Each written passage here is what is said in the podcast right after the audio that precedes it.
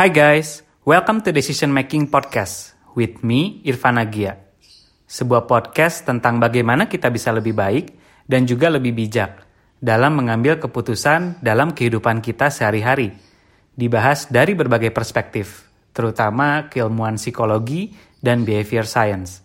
Karena hidup adalah akumulasi dari pilihan-pilihan yang kita ambil. Summary dari setiap episode di podcast ini akan selalu gue share di fitur Insta Stories. Jadi bisa cek aja nanti di Instagram at irfan underscore agia. Nah, di episode ke-41 ini kita bakal bahas topik tentang luxury brand. Gitu ya. Ini tentang brand-brand mahal, brand-brand yang luxury gitu ya. Nah, ini sebenarnya menarik banget. Kenapa? Karena mungkin teman-teman juga pernah berpikir gitu ya di awal kalau loh ngapain sih orang-orang tuh beli tas atau beli sepatu atau beli baju yang sebetulnya secara fungsional biasa aja, secara fitur biasa aja, secara bahan bahkan ya produk-produk dalam negeri yang lain gitu ya atau yang uh, mereknya yang lebih biasa aja tuh nggak kalah juga gitu. Sebenarnya nggak nggak ada istimewanya sama sekali gitu ya, tapi cuma membedakan itu adalah ada logo merek tertentu yang bikin itu tuh jadi mahal banget gitu. Padahal apalagi cuma simple banget gitu ya. Kadang cuma emblem kecil gitu ya di depan baju atau cuma apa uh, statement atau tulisan doang gitu ya.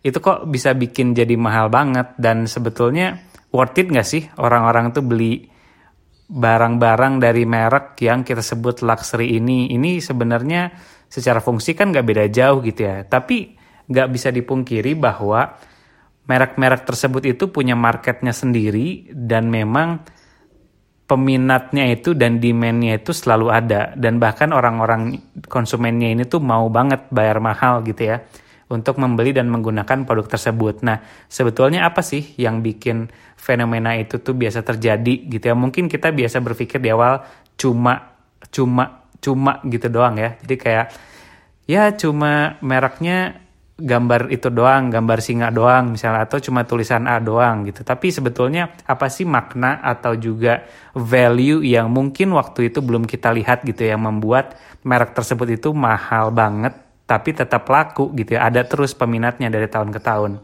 gitu. Nah, kita bakal bahas di episode kali ini dan kita mulai dari definisi dari luxury brand itu dulu. Gitu. Nah luxury ini tuh sebenar sebenarnya adalah konsep yang multifaset gitu ya. Jadi perspektifnya ini banyak banget untuk menilai si konsep luxury ini. Nama dari luxury ini sendiri berdasar dari kata Latin yaitu lux dan luxuria. Itu artinya adalah light gitu ya cahaya shine terang extravagant, difference, berbeda gitu ya. Deviation, jadi benar-benar unik, niche gitu ya. Dan last gitu ya. Last ini artinya benar-benar menggoda gitu ya, last. Jadi si luxury ini tuh punya definisi yang kalau kita lihat tadi gitu ya penjabarannya itu melambangkan sesuatu yang uh, eksklusif gitu ya, eksklusif terus juga uh, apa? Dibuat spesial gitu. Nah, luxury ini sendiri dia mengedepankan spirit dari istilahnya tuh craftsmanship gitu. Jadi yang melambangkan culture, melambangkan innovation, melambangkan creativity dan melambangkan timelessness. Jadi it's all about excellence sebetulnya. Jadi kalau bisa dirangkum luxury ini tuh it's about excellence that conveys culture, heritage gitu ya dan juga memang uh, ekstravagan gitu ya. Nah, jadi sebetulnya dari beberapa definisi uh, tersebut ada satu definisi yang muncul di tahun 2001 gitu ya dari uh, Komite Colbert McKinsey itu bilang kalau luxury goods industry itu itu didefinisikan dari beberapa aspek ini. Yang pertama adalah adanya strong branding gitu ya merek yang sangat kuat dan benar-benar meng-highlight lifestyle yang eksklusif gitu. Jadi intinya nggak semua orang tuh bisa afford, nggak semua orang tuh bisa living that kind of lifestyle gitu. Terus yang kedua adalah merek-merek tersebut perlu punya superior quality dan yang paling penting adalah timelessness. Timelessness ini artinya mau kita pakai di tahun misalnya 1980 sampai tahun nanti 2030 gitu ya, itu akan selalu relevan gitu ya. Desain dan stylenya itu akan tetap melambangkan uh, definisi luxury itu sendiri. Jadi kalau kita lihat, that's why kenapa most of the style, most of the design gitu ya dari produk-produk luxury ini tuh sangat simple.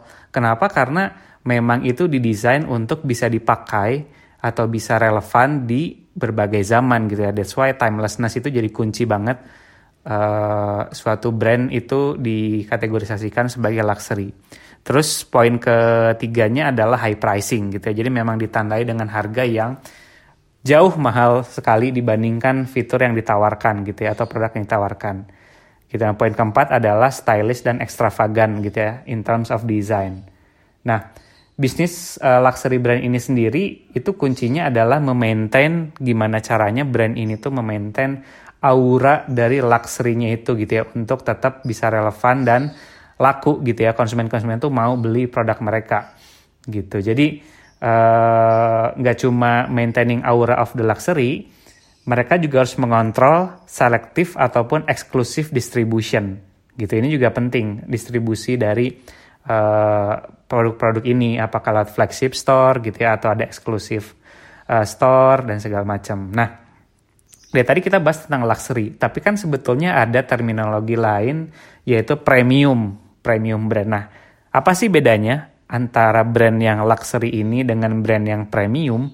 Kalau luxury brand ini sebetulnya banyak miskonsepsi mengenai luxury brand itu it's simply more expensive aja dibandingkan premium goods gitu. Tapi sebetulnya nggak selalu, nggak selalu semua produk-produk luxury itu tuh lebih mahal dibandingkan yang premium gitu. Nah, yang kedua adalah luxury brand ini doesn't meet a need or solve a problem. Mereka tuh nggak butuh produk-produk yang bisa menyelesaikan masalah gitu ya. Konsumen-konsumen yang beli produk-produk yang luxury itu tidak membeli untuk menyelesaikan masalah gitu atau problem. Jadi luxury consumer itu bahkan nggak interested sama fitur-fitur apa aja sih yang ada di produk tersebut gitu ya.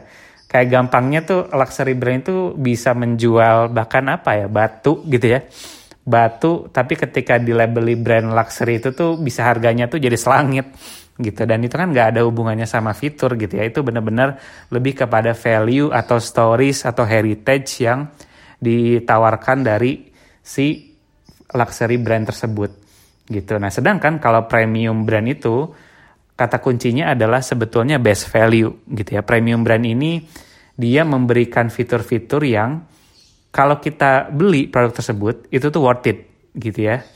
Jadi kayak misalnya produk-produk yang punya fitur contoh lah misalnya salah satu brand baju olahraga gitu ya. Salah satu brand baju olahraga dia di secara bahan bajunya itu ada misalnya teknologi vapor misalnya yang jadi lebih mudah untuk misalnya menyerap keringat gitu ya. Itu kan jadi adalah fitur-fitur yang kita cari gitu dalam premium brand. Dan kita mau willing to pay more for that feature. Seperti itu. Udah sedangkan kalau luxury itu nggak nggak begitu care lah, nggak begitu penting gitu ya untuk mengedepankan fitur. Begitu. Mereka lebih mengedepankan heritage gitu ya, stories atau storytelling dari si branding tersebut gitu. Nah, luxury brand ini sebenarnya bisa dikatakan juga sebagai display of wealth. Itu untuk menunjukkan sosial status juga gitu ya dan juga uh, simbol kekayaan lah tanda kutip gitu a sense of timelessness, priceless experience dan ada beberapa strong hedonistic drive gitu ya. Nah, brand-brand apa sih yang masuk kategori luxury? Kalau dari uh, sumber yang aku baca dari luxury brand report gitu ya, di tahun 2018 itu ada beberapa brand kayak misalnya LV, Hermes, Gucci, Chanel, terus misalnya Givenchy dan masih banyak lagi gitu ya. Kalau teman-teman lihat listnya brand-brand yang termasuk dalam kategori uh, luxury brand Rolex juga gitu ya. Dan di report tersebut di tahun uh, top top 100-nya gitu ya kemarin di tahun 2017 itu yang menduduki peringkat pertama itu tuh uh, eh, LV gitu ya Louis Vuitton. Terus yang kedua tuh Estee Lauder, terus uh, lanjut lagi uh, Gucci gitu ya. Jadi kalau teman-teman nanti cek itu banyak banget uh, bahkan bisa sampai ratusan juga gitu ya dan bahkan beberapa brand yang mungkin uh, kita belum tahu juga namanya karena marketnya itu sangat niche gitu. Nah sedangkan premium brand itu lebih banyak contohnya kalau dicontohin misalnya brand-brand uh, yang di sport misalnya kayak Adidas, Nike, atau misalnya brand lain kayak Patagonia, Callaway gitu. Jadi mereka ini adalah brand-brand yang didefine berdasarkan uh, fitur dan price yang ditawarkan. Seperti jadi itu membuat konsumen itu it's worth it to pay extra for this kind of uh, product dari brand-brand tersebut. Jadi kata kuncinya adalah best feature at the best value itu untuk premium brand. Nah, kalau kita jabarin lagi detail perbedaan antara luxury brand dan juga premium brand ini yang pertama of course di harga gitu ya. Biasanya luxury ini tuh jauh harganya lebih mahal dibandingkan fitur yang ditawarkan. Gitu. Sedangkan kalau premium brand itu dia aimnya adalah untuk uh, memberikan best value gitu dan bedanya lagi kalau premium brand ini tuh dia sangat sensitif dan kompetitif gitu ya di uh, kompetitor market gitu. Sedangkan kalau untuk luxury brand mereka tidak terlalu uh, fokus gitu ya kepada market competition. Karena mereka believe kalau produk-produk yang dibeli gitu ya itu ada sudah ada pasarnya masing-masing gitu ya. Konsumen yang memang bisa relate dengan heritage atau value dari luxury brand tersebut. Gitu. Terus yang tadi kita sempat bahas fitur-fitur juga gitu ya berbeda. Kalau luxury brand nggak fokus sama fitur terus advertising yang ketiga advertising. Nah luxury brand ini tuh jarang banget ngelakuin iklan gitu ya atau promosi gitu. Bah, uh, bahkan kalau misalnya gue tanya pernah nggak sih teman-teman nonton iklannya Rolex? Gitu ya. Pasti jarang banget atau mungkin nggak ada ya. Karena memang sejarang itu brand-brand luxury untuk mempromosikan produknya. Beda dengan premium brand. Kalau premium brand ini bahkan secara data itu punya some of the biggest share in the advertising market gitu. Jadi iklan-iklannya itu mereka cukup invest heavily di promotion juga seperti itu nah kalau gitu siapa aja sih konsumen-konsumen dari luxury brand ini? Siapa sih orang-orang yang mau afford gitu ya untuk bayar mahal, mahal-mahal untuk luxury brand ini? Gitu. Nah, uh, salah satu miskonsepsi awal adalah nggak semua konsumen dari luxury brand ini tuh termasuk kategori HNWI. HNWI ini artinya high net worth individual. Gitu. Ini gampangnya adalah orang-orang yang super tajir lah. Gitu. Nah, sebetulnya ada tiga segmen gitu ya, ada tiga segmen untuk luxury produk ini. Jadi kebetulan gue sempat ikut course di di apa manajemen of Bocconi gitu ya Itali itu ngebahas tentang manajemen of uh, luxury brand gitu ya. Nah mereka membagi ada tiga segmen untuk luxury shoppers gitu. Ya. Yang pertama yang tadi gitu ya HNWI high net worth individual ini terdiri dari old money old money gitu ya.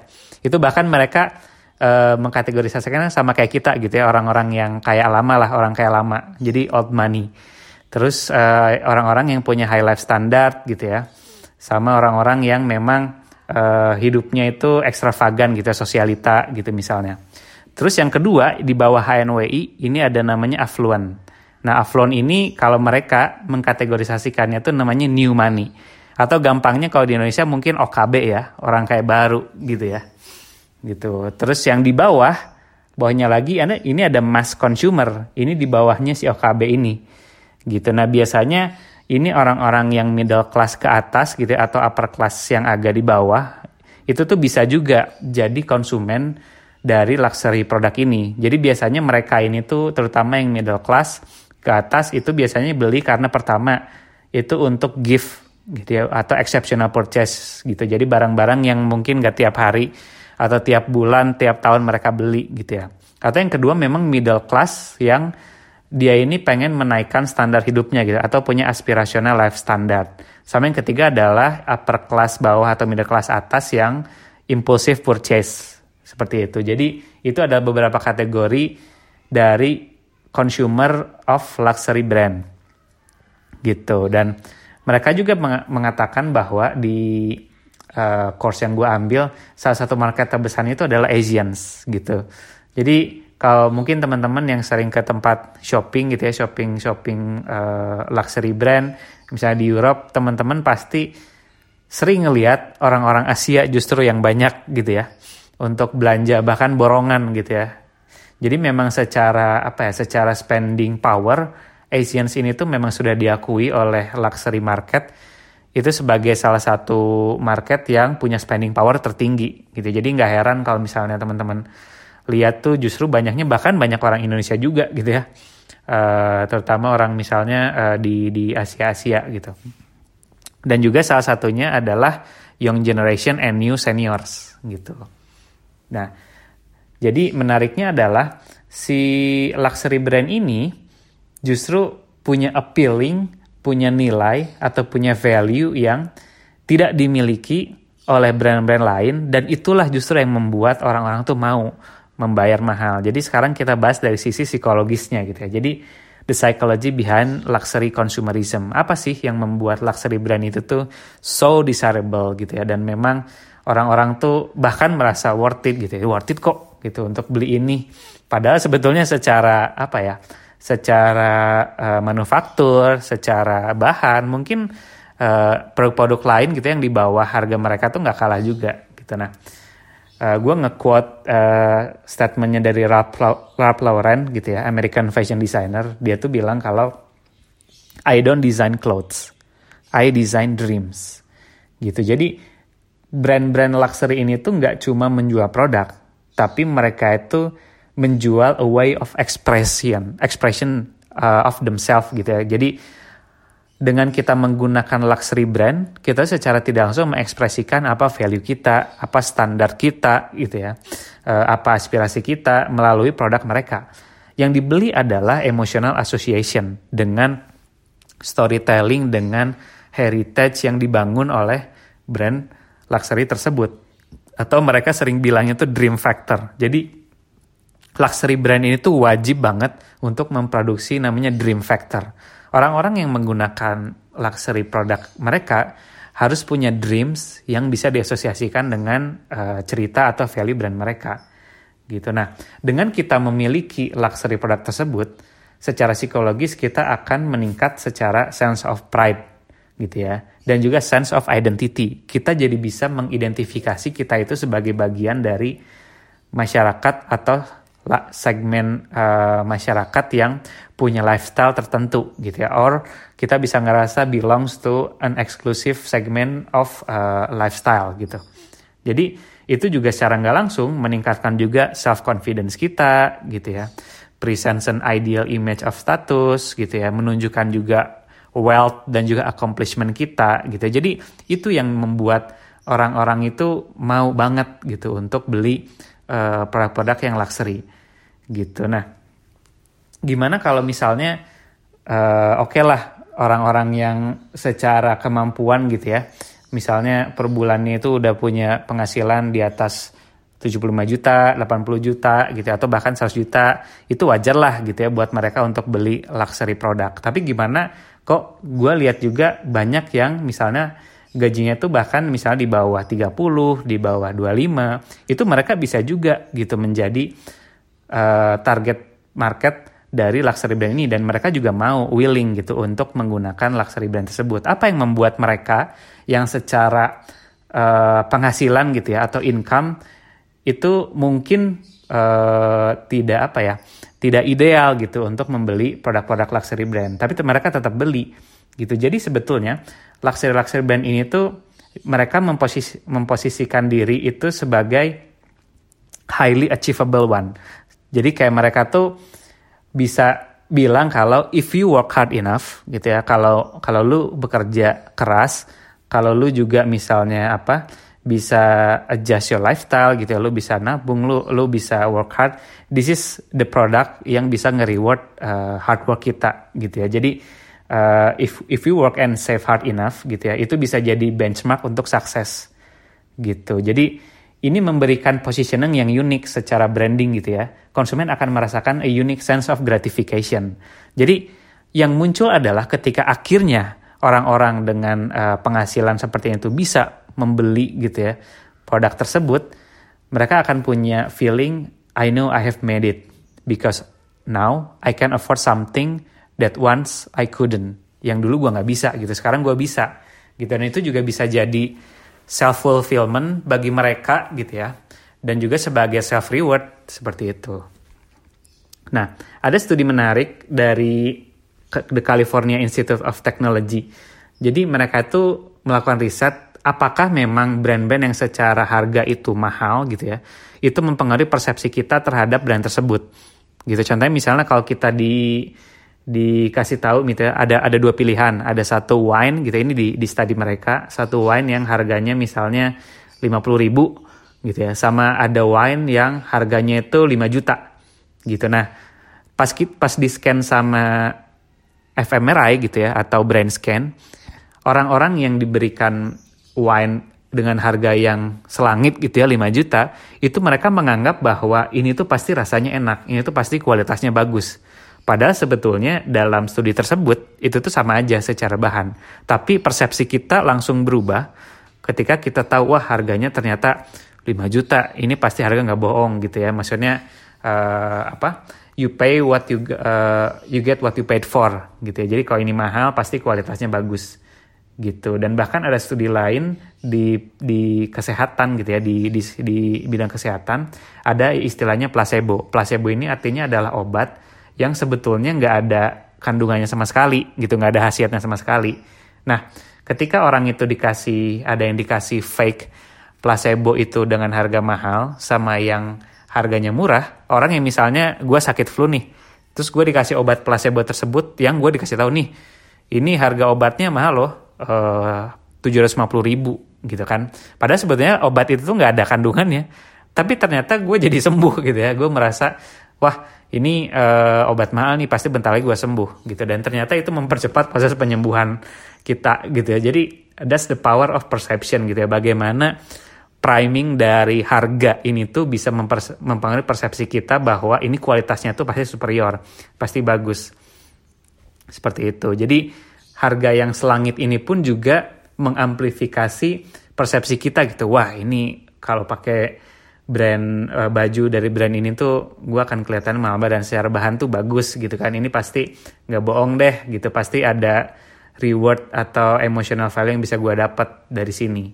Seperti itu. Tapi apakah betul ada juga eh, orang-orang uh, yang uh, bahkan malah jadi nggak happy ketika beli atau menggunakan produk-produk yang luxury gitu kan? Kalau tadi kita bahas orang-orang tuh pasti yang dicari itu adalah emotional association ya atau emotional reward dari luxury brand tersebut gitu. Tapi ternyata ada juga uh, studi yang menunjukkan bahwa ini dari studi dari Boston College sama Harvard Business School itu nggak selamanya orang-orang yang membeli gitu ya atau splurging spending mereka di luxury brand itu merasa happy bahkan ada yang merasa worse gitu ya. Jadi sebetulnya kalau dari secara emosional harusnya ketika kita beli luxury goods itu tuh membuat kita tuh happy gitu ya atau juga membuat kita lebih confident karena itu kan meningkatkan self esteem kita, self satisfaction sama social status gitu. Tapi ada beberapa tipe orang yang justru bahkan menjadi less confident gitu ya pakai luxury brand atau ngerasa less powerful gitu. Jadi ini adalah orang-orang yang merasa bahwa uh, jadi kalau di psikologi itu ada istilahnya impostor syndrome. Impostor syndrome ini artinya adalah bahwa kita tuh merasa tidak berhak gitu, nggak pantas. Aduh, gue kayaknya belum pantas deh pakai brand-brand mahal gini. Aduh, gue jadi nggak nyaman gitu kan. Kayaknya ini nggak gue banget deh. Maksudnya ini kayaknya too much for me gitu kan. Jadi mereka setelah beli ada juga beberapa segmen yang uh, realize bahwa this is not for me ini kayaknya ketinggian buat gue gue ngerasa nggak pantas gitu ya belum belum pantas pakai produk-produk kayak gini seperti itu. Jadi ada istilahnya the psychological cost of luxury gitu. Jadi ada juga orang-orang yang memang uh, merasakan seperti itu gitu. Nah jadi bisa kita simpulkan bahwa orang-orang membeli luxury brand itu pertama dari story-nya gitu ya, dari story brand tersebut, dari emotional value yang mereka tunjukkan dan juga dari cara kita menunjukkan sosial status kita gitu ya. Dan juga uh, semakin produk itu tuh niche gitu ya, makin jarang dipakai sama orang, nggak semua orang bisa pakai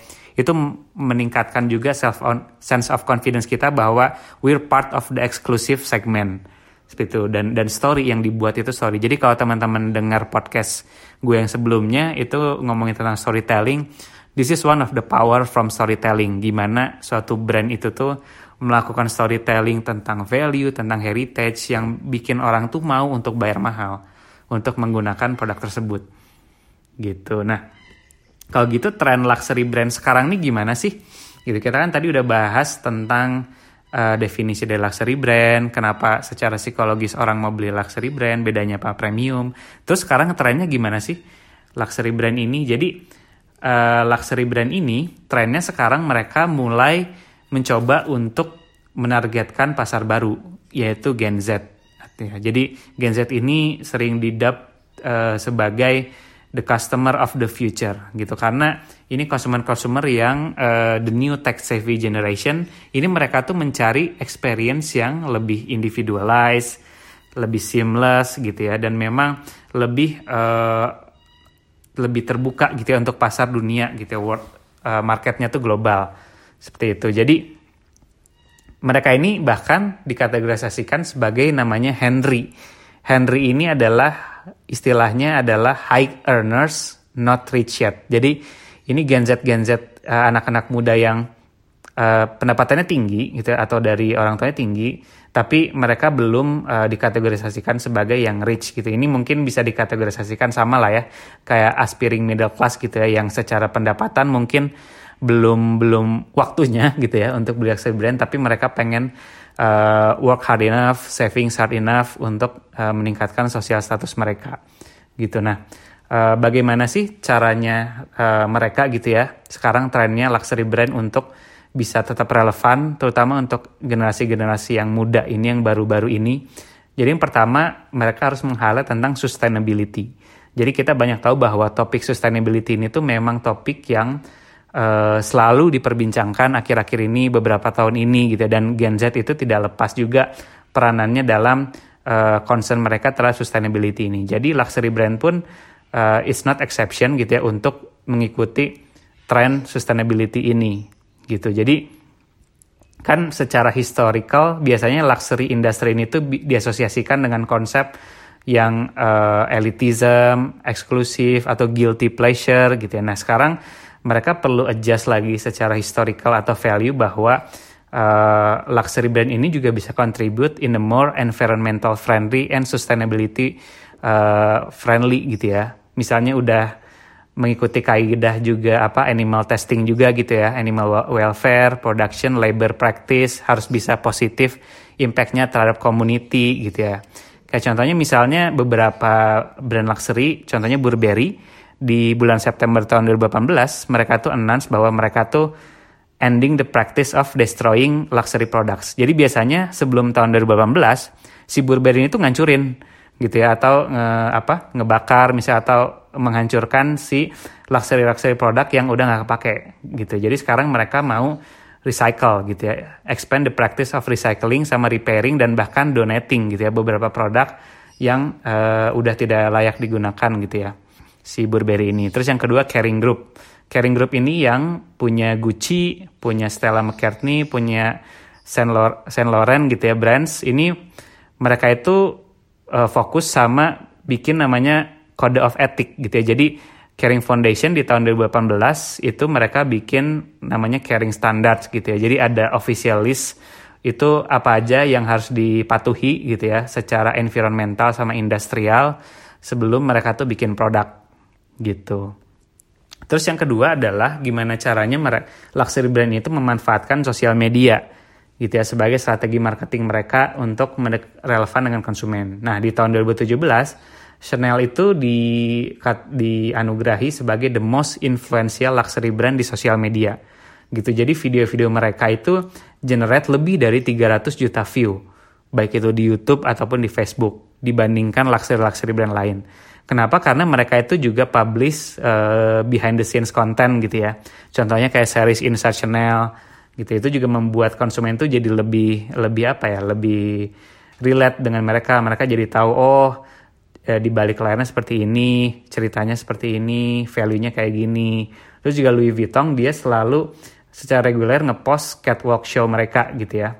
Uh, di ad campaigns, promo events, store openings gitu ya. Jadi dari datanya similar web itu average uh, time orang-orang untuk visit ke uh, websitenya Louis Vuitton itu uh, lebih dari 4,15 menit. Di mana sebetulnya rata-rata kalau orang ke website itu cuma spending satu setengah menit gitu. Jadi itu kan cukup lama gitu. Jadi bagus orang jadi engage di websitenya LV gitu. Terus juga yang ketiga adalah cara mereka itu untuk tetap relevan adalah uh, ngeblending gitu ya legacy dari luxury brand dengan uh, brand-brand yang lagi hype juga sekarang gitu ya atau dengan streetwear gitu. Jadi kalau kita lihat beberapa high end brands kayak LV itu dia bikin uh, partnership sama Supreme gitu. Jadi ada LV X Supreme, terus Jimmy Choo sama Off White gitu ya. Jadi mereka juga pengen lebih blend gitu ya dengan uh, streetwear streetwear yang lagi uh, happening juga gitu ya di di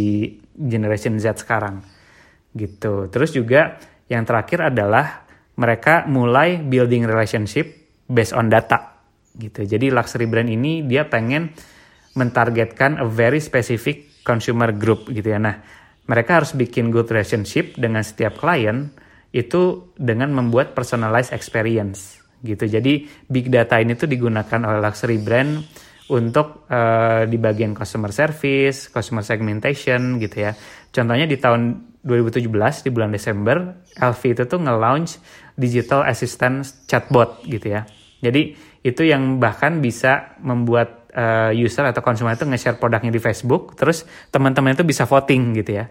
Uh, mau beli apa gitu. Jadi mereka bisa dapat data juga nih. Oh orang-orang sukanya desain kayak gini, trennya kayak gini, seperti itu. Jadi itu adalah beberapa tren yang memang sekarang itu lagi dilakukan oleh luxury brand untuk tetap uh, relevan gitu ya. Jadi kalau bisa kita simpulin dari episode di kali ini adalah yang di, uh, the main goal atau the main uh, value dari luxury brand itu adalah dari heritage mereka, dari storytelling mereka, dari value gitu ya, dan juga dari portrayal of uh, lifestyle yang mereka uh, luncurkan gitu ya. Di mana ketika orang-orang menggunakan luxury brand tersebut, mereka juga jadi akan lebih merasa secara psikologis meningkat pride-nya, sosial status gitu ya. That's why mereka willing to pay more untuk mendapatkan emotional investment di situ. Seperti itu. Jadi uh, I think that's all untuk luxury brand di episode kali ini. Semoga memberikan perspektif yang baru bagi teman-teman gitu ya, terutama di industri luxury brand Nah, untuk episode selanjutnya, gue bakal bahas topik tentang privilege. Ini topik yang cukup berat juga sebenarnya, tapi uh, I think it's important to uh, discuss that topic gitu ya, karena privilege ini tuh nggak bisa lepas dari segala aspek kehidupan kita sehari-hari gitu ya. It's it's uh, essential to acknowledge privilege dan juga untuk understand apa sih sebenarnya privilege itu gitu ya, apa misconceptionnya dan apa impactnya terhadap uh, kehidupan kita dan kehidupan orang lain seperti itu. Nah, sampai jumpa di episode ke-42. Kalau nanti teman-teman ada request atau masukan tentang feedback atau input, boleh email atau message gue di Instagram at irfan underscore agia. Kalau teman-teman juga merasa topik-topik di podcast ini berguna atau memberi wawasan baru, please share it to others. Bisa bagikan link konten podcast ini di Instagram. So, sharing is caring. Thank you for listening and see you in the next two weeks.